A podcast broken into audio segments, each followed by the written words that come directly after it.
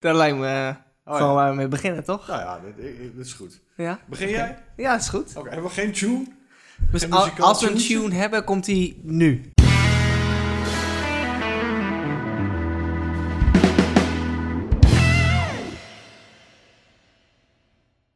Welkom in mijn keuken, of de opnamestudio, kan ik beter zeggen. Mijn naam is eh Shay. Ik eh, ben de zoon van de titel. En ik ben Ernst Paul en daarmee dan ook de vader uit deze titel. Yes, want de titel is Zo vader, Zo Zoon. waar gaan we het vandaag over hebben, Shay? Nou, laat ik je vertellen waarin ik je even mee wil nemen. Ja, En eh, daarna neem ik even een post-it woord, dat weet je. ja is Oké, dan is dat maar weer helder. Ja, ik wil het eigenlijk hebben over het onderwerp hoe het nou toch komt dat de blues in Groningen nooit echt van de grond is gekomen. En eh, daarvoor Hmm. heb ik een eh, soort van vergelijking gemaakt, een historische vergelijking Ah. gemaakt tussen het zuiden van Amerika en het noordoosten en zuidoosten van de provincie Groningen. Er zitten een heleboel parallellen in. Die het zomaar mogelijk hadden kunnen maken dat we hier in Groningen gewoon bluesland waren geweest. Zo. Dat had ik erg leuk gevonden. Ja, ik ja, ja, absoluut. blues. Ehm, en, maar je weet ook net als ik dat dat niet echt gebeurd is. En ook daar zijn een paar redenen voor. Eventjes voor alle duidelijkheid en voor alle historici onder ons. De parallellen die ik trek komen geheel voor mijn rekening. Daar neem ik alle, alle credits voor. Maar ook alle eventuele kritiek daarop, eh, eh, die is eh, niet welkom, maar ook prima. Het gaat er maar om Ja, eerlijk, dat, eerlijk. het mijn verhaal is. En daar ga ik gewoon mee beginnen. Ja, En heel dan ga ik interessant. eerst even in op de blues, die zoals je weet de muziek is van de zwarte bevolking van Amerika. En die kwam zo op tussen 1865 en 1900. Eh, en dan moet je weten dat dat eh, oorspronkelijk eh, in Afrikaanse landen natuurlijk veel gebeurde. Dat wil zeggen het, het zingen, het vraag- en antwoord zingen met pulserende ritmes. Dat was natuurlijk iets wat in de Afrikaanse cultuur al heel veel voorkwam.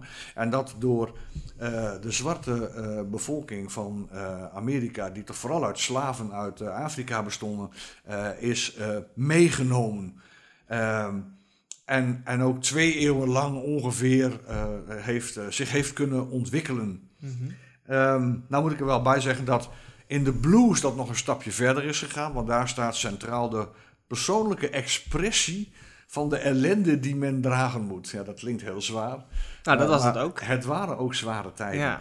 En in het begin was het natuurlijk vooral begeleiding op gitaar, jezelf begeleiden. Eh, bekende namen uit die tijd en ook eigenlijk de grondleggers toch wel van de blues zijn Robert Johnson, eh, Blind Willie Johnson, Blind Lemon Jefferson en natuurlijk ook Led Belly. Mensen die voor het eerst eh, vastgelegd zijn ook op vinyl als de grondleggers van de blues. En Robert Johnson Ah. natuurlijk bekend als de man die zijn ziel aan de duivel verkocht op de crossroads, jawel. En dan is het toch interessant om nog even verder te kijken naar hoe zat het dan in dat Amerika van die tijd en hoe zat het in het Groningen van die tijd. Ja, Ja, je weet, we eh, we praten zo rond 1847 tot 1850 dat het er in Groningen, en ik maak nu even de overstap naar ons, eh, er helemaal niet zo goed voor stond voor wat betreft eh, de boerenbevolking en zeker ook niet voor de boerenknechten en landarbeiders in die tijd. En dat had zeker alles te maken met wat in Europa zich op dat moment afspeelde rond 1847. Eh, namelijk eh, een grote problemen met de aardappeloogsten. En eh, ook met andere oogsten. In Groningen bijvoorbeeld in 1847 mislukte meer dan de helft van de aardappeloogst.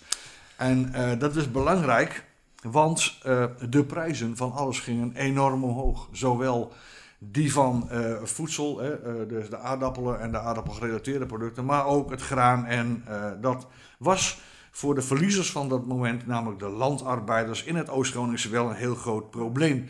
Die mensen hadden toch al te maken met veel armoede, met lage beloning, werkloosheid, slechte huisvesting. En niet te vergeten cholera, dus het viel allemaal niet mee in die tijden. En daar kwam dit dan nog eens overheen. Dan wil je En- even naar de patatzaak en dan kost een frietje ineens 20 euro. Dat eh, is ongeveer de vergelijking met nu. Ja, die, het is heel goed dat je die even maakt. Ehm, weet je wat het is? De eh, landarbeiders kwamen voor het eerst, nou niet, misschien niet helemaal voor het eerst, maar wel voor het eerst sinds tijden echt in opstand, jawel. Uh, toen er uh, meerdere van hun collega's ontslagen werden, trokken ze op richting het provinciehuis in Groningen. En daar gooiden ze ramen in. Het lijken wel de boerenprotesten anno 2020, nietwaar? um, ja, het stadsbestuur die begon er toch een beetje benauwd te krijgen. En die dacht, hoe gaan wij dit oplossen? En zette daarom uh, militairen in. Dat is een tragische vergissing geweest. Want die militairen openden het vuur op uh, de demonstranten. En daarbij zijn in ieder geval vier doden en dertien gewonden gevallen. Zo. Nou, heb, heb, je een idee, heb je een idee wat voor, uh, wat voor wapens in deze tijd gebruikt zouden worden door... Door het leger Door destijds. Ja, dat waren eenschotsgeweren. Daarom ja, zijn er maar vier doden gevallen. Maar dan was het wel minder. Had je een kwartier nodig om weer... ja, als ze een Gatling gun gehad hadden, dan was het toch een heel ander verhaal geweest. Ja, klein voordeel inderdaad. Ja, dit soort harde tijden, uh, die zijn uh, eigenlijk steeds blijven bestaan tot ver in de 20e eeuw. En er ligt toch een parallel naar dat Amerika van toen. In Amerika was in 1847 nog sprake van slavernij, voornamelijk in de zuidelijke staten, dat wel. En ook daar was honger, armoede en ellende een van uh, de grote uh, zaken waarmee met name de zwarte bevolking te kampen had. Uh, en dat was zeker vergelijkbaar met de ja, klassenonderscheid wat je had in, in het Oost-Groningse, wat mij betreft in ieder geval. Van 1861 tot 1865 was daar natuurlijk een kleine, maar wel belangrijke episode in de Amerikaanse gebeurtenis die de mensen in het zuiden hoop zou kunnen geven, althans de zwarte mensen. En dat was natuurlijk de Burgeroorlog, zee, heel goed. Ja, ja precies. Goed ja, ik wilde het net, ze ik wilde het net ja, zeggen. Ja, ja, ja, oh, zo, is het, ja. zo is het. Nee, maar dat is natuurlijk, uh, die, die, die oorlog staat ten onrechte bekend als uh, dat die gevochten werd voor de afschaffing van de slavernij. Okay. Dat was slechts een onderdeel, maar voor de zwarte mensen leek het wel een belangrijk onderdeel. Uh, nou ja, leek, er waren meer dingen. Nou ja, dat was het ook wel. Ja. nee, daar heb je gelijk in. Ja. Maar goed, het, het, is namelijk zo dat uh, de, wat minstens even belangrijk was, was uh, de economische situatie. Mm -hmm. In het noorden waren veel kleine boeren, in het zuiden veel groot grondbezitters. Dat gaf al scheve gezichten. De economie was scheef getrokken. En de zuidelijke staten leken erop uit te zijn om een soort van losse koninkrijkjes, losse staten te gaan worden. En uh, in het noorden wilde men toch graag het federale Amerika houden. Mm -hmm. Dus er waren meerdere oorzaken dat die oorlog is begonnen. Maar goed, uh, uiteindelijk is dat uh, dan toch gebeurd. En in 1865 geeft het zuiden in november, om precies te zijn, zich uiteindelijk over. En komt er een einde aan de burgeroorlog, maar ook aan de slavernij. En heel even lijkt de zwarte gemeenschap het iets beter te krijgen. Maar dat duurt niet zo lang. Want in de zuidelijke staten wordt het de zwarten toch weer onmogelijk of heel moeilijk gemaakt om te gaan stemmen.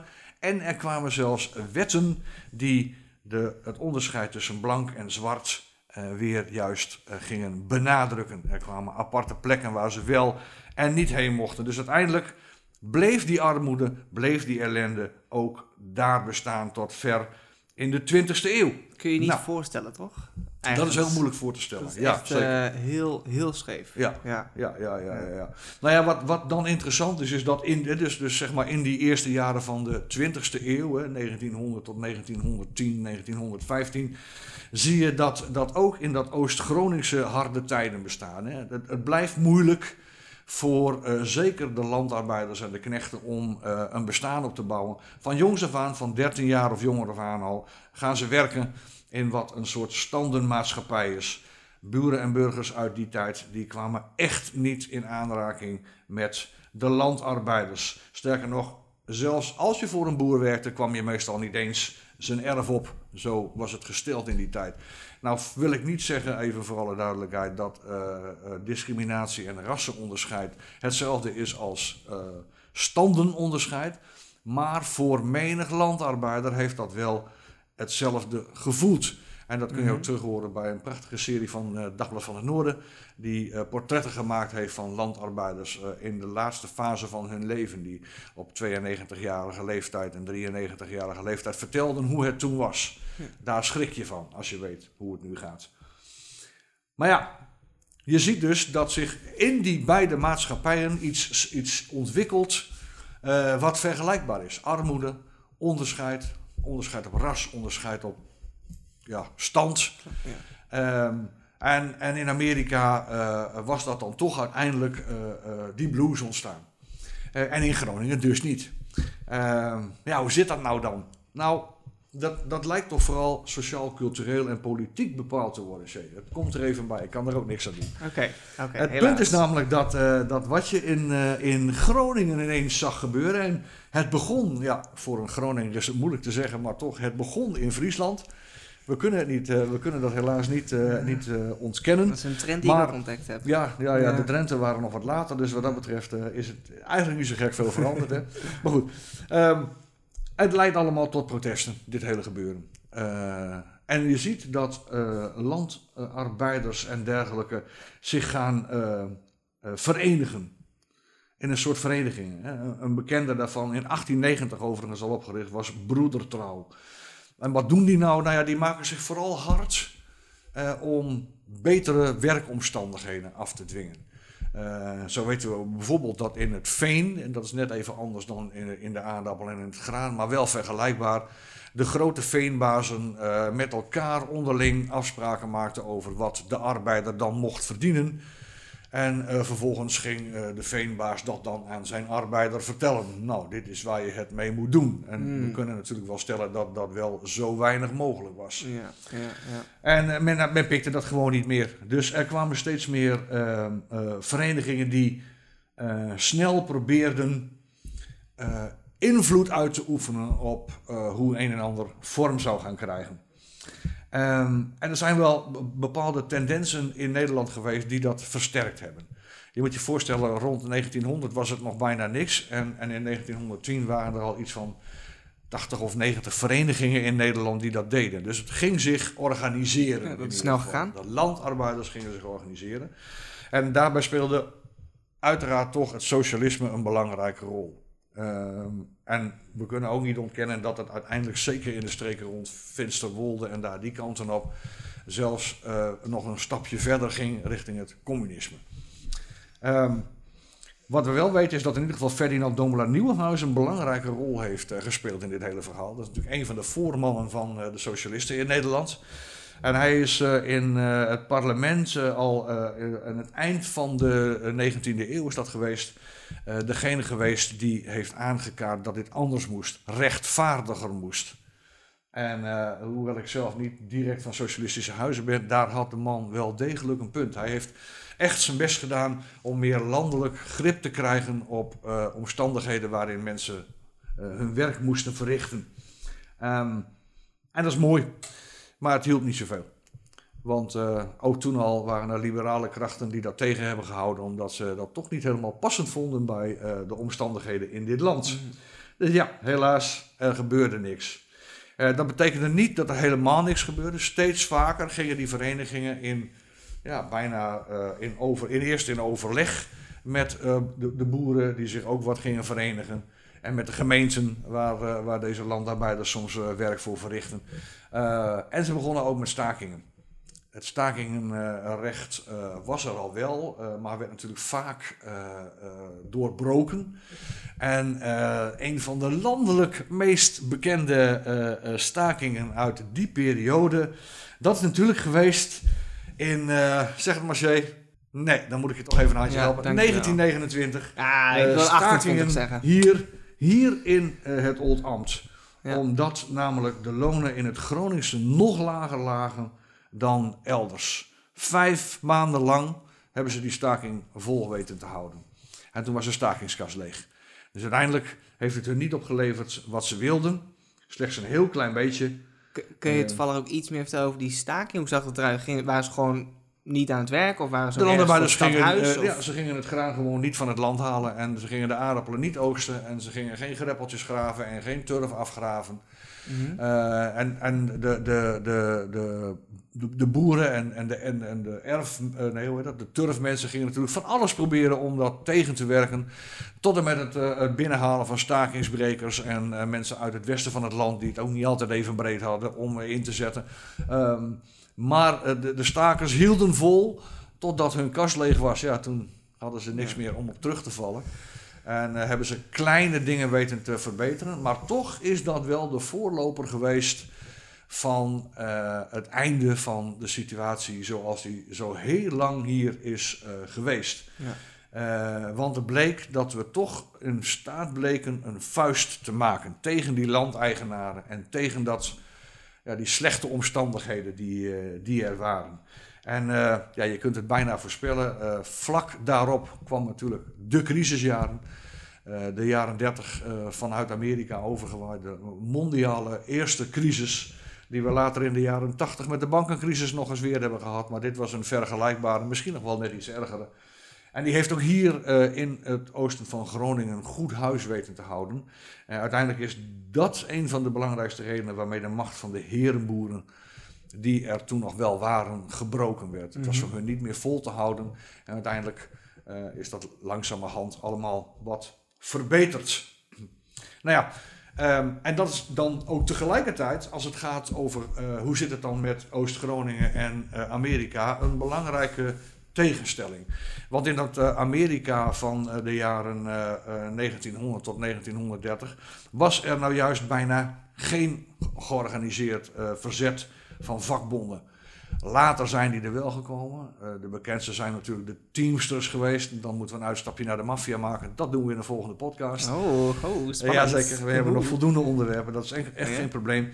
Maar de zwarte bevolking kon zich daardoor eigenlijk niet verenigen en langs die politieke weg verbetering afdwingen. dat heeft uh, tot uh, bijna in de jaren 60 wel geduurd met mensen als Martin Luther King. Voordat dat echt aan de grond kwam. Overigens hadden we daar uh, vergelijkingsverwijs hier natuurlijk ook weer onze eigen Vreemijs. Bekende CPN in de strookkarton. Dat is ook een leuk onderwerp om het nog eens over te hebben. Die daar zich als machtige vakbondsman liet gelden. Maar goed, langs die politieke weg verbetering afdwingen lukte niet zo heel erg goed. En dan komen we eigenlijk een beetje naar aanleiding van wat ik zojuist verteld heb naar uh, mijn uh, analyse. En ik zeg er nog eens bij, het is mijn analyse, dus uh, alles mag aan mij worden opgehangen. Um, er zijn een aantal verschillen die ertoe leiden dat we hier helaas niet kunnen spreken van de blues-vertegenwoordigers, Rooie Klaas, Blinde Gerrit, noem ze allemaal maar op. het had erg prachtig geweest als we die hadden gehad. Maar helaas, dat is niet gelukt. Mooi man. En, en hoe komt dat dan? Nou ja, er zijn een paar dingen. In Groningen hadden ze natuurlijk geen achtergrond met zang op de velden. Dat is nooit zo heel erg populair geweest. In het westen al niet, laat staan in het wat stuggere Groningen. Wij zongen geen liedjes met vragen en antwoorden. Was, uh, nee, Daar waren wij niet van. Zie ik Groningen ook niet zo snel doen inderdaad. Wij namen onze boterhammetjes mee en dat was het al.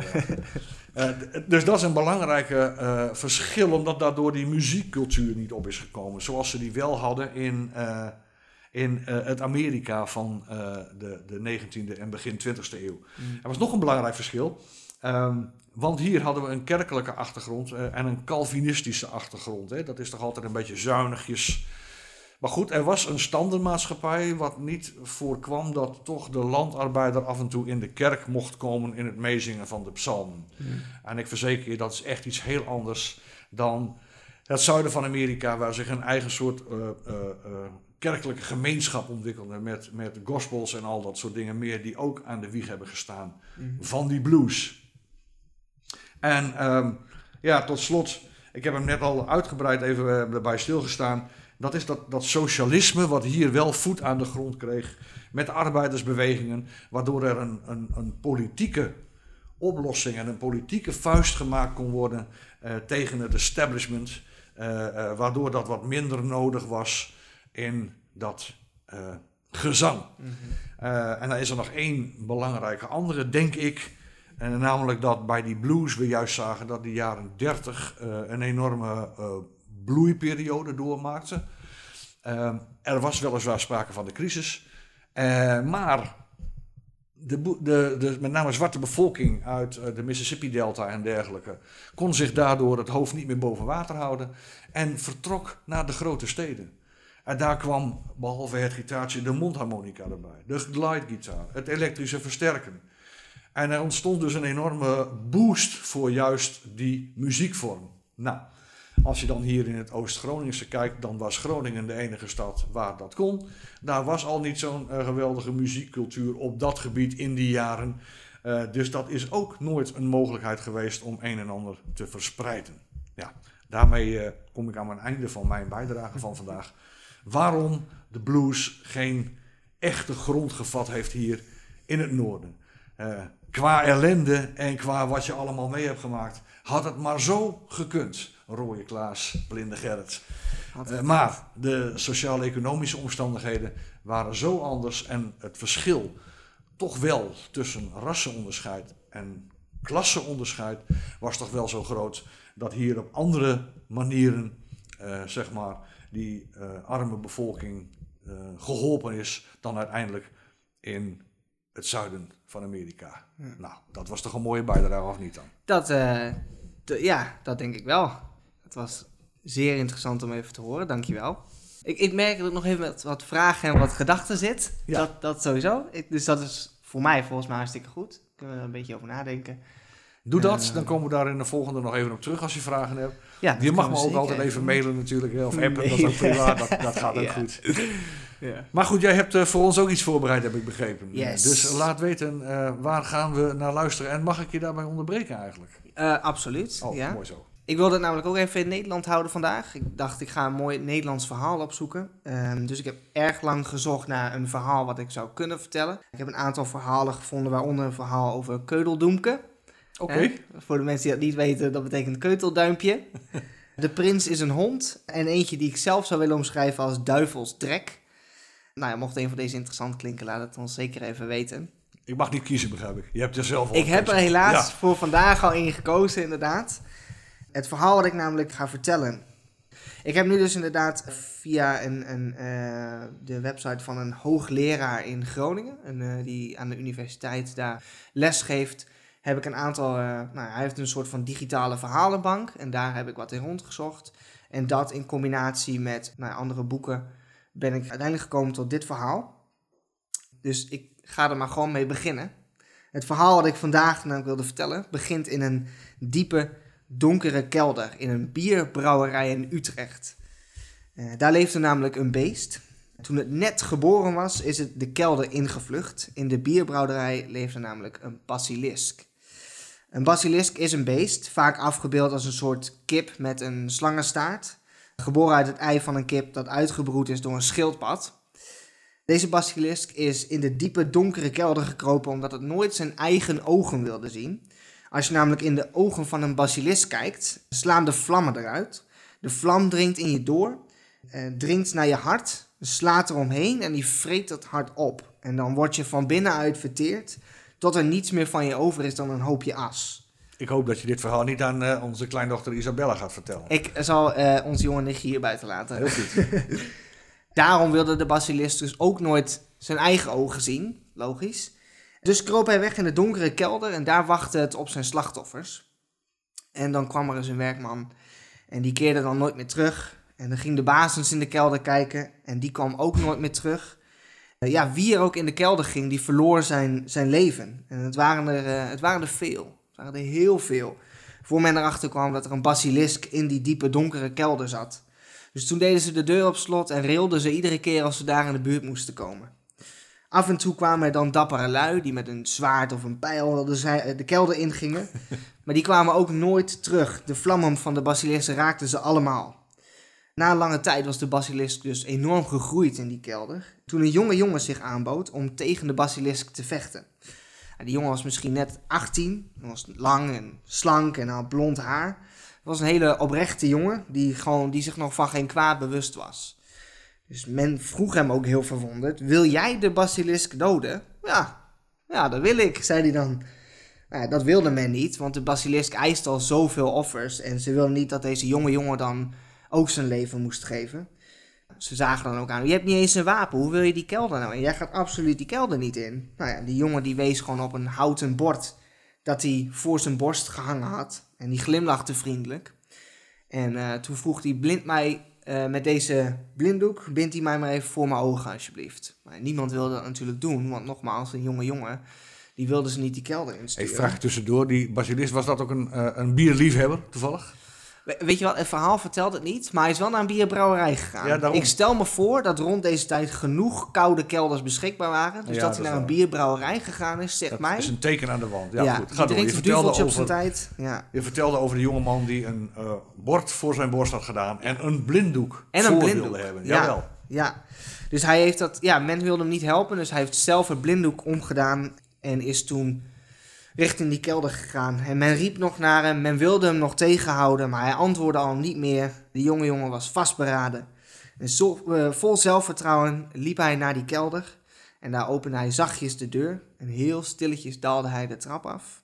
En zijn voeten moesten zoeken naar elke trede, zo donker was het. Maar er was geen angst of aarzeling in deze jongen te bekennen. Even, eh, sorry hoor, maar hij had een blinddoek voor. Hij had een blinddoek voor. Dus al Ja. was het licht geweest in de kelder, dan waar. had het toch nog niks uitgemaakt, toch? Dat is waar, voor hem niet. Voor Nee, hem oké. niet. Nee, dan heb ik het even helder. waar. door. Maar zo donker was het dus wel. Dus als hij geen blinddoek op had, Ik snap het, ja.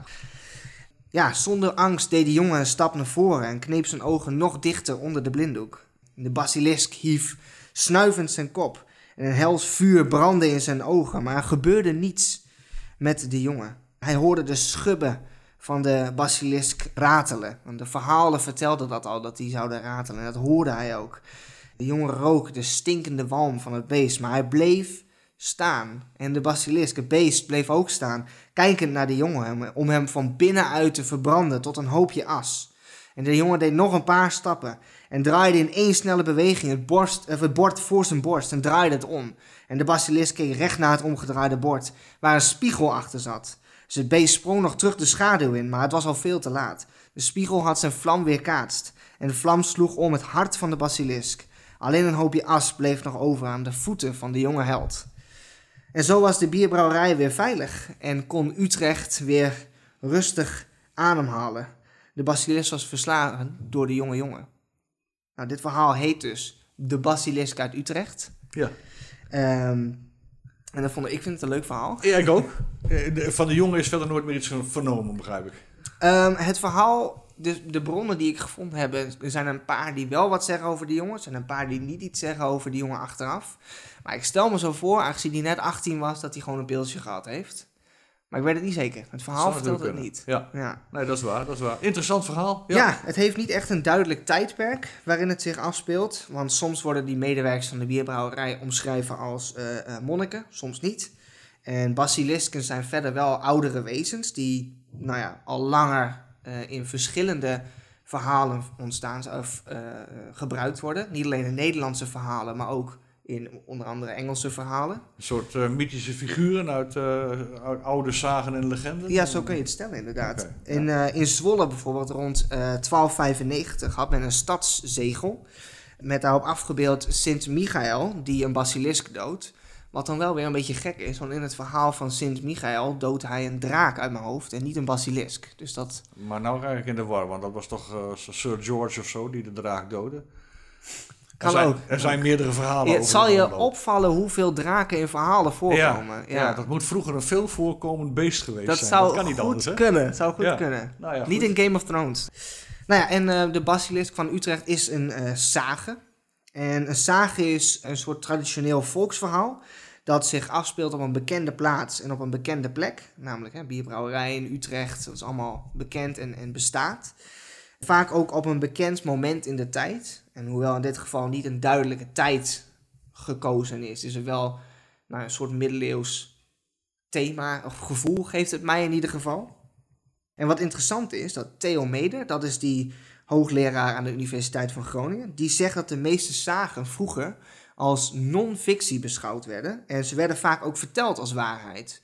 Eh, mensen onderling noemden het vaak gewoon, die zagen noemden ze vaak bijgeloof. Dus het is gelukkig niet zo dat de mensen het altijd als complete waarheid zagen. Maar misschien dat het wel, nou ja, misschien dat het... Het speelde een rol in het dagelijkse leven. Ja, en het werd ook het werd, het werd, verha- het werd verteld als non-fictie. En dat vond ik wel heel interessant. Dat Ja. dat op die manier, alsof het een soort van, alsof ze dingen probeerden uit te leggen die ze niet helemaal konden uitleggen of zo. Ja. Ja, dat, dat vond ik wel interessant. Ja, ik, ik, ik- ik weet niet hoor. Ik, ik zie, ik, ja, nou ja, ik zie Willem-Alexander eerlijk gezegd nog niet zo snel op een draak afgaan om Maxima te redden. Ergens past het niet helemaal in mijn beeld. Zeg ik zie hem eerder koek eh, happen dan, denk ik. Ja, En, zoiets. eh, of dus- wc gooien, eh, wc-pot gooien, dat eh, soort dingen.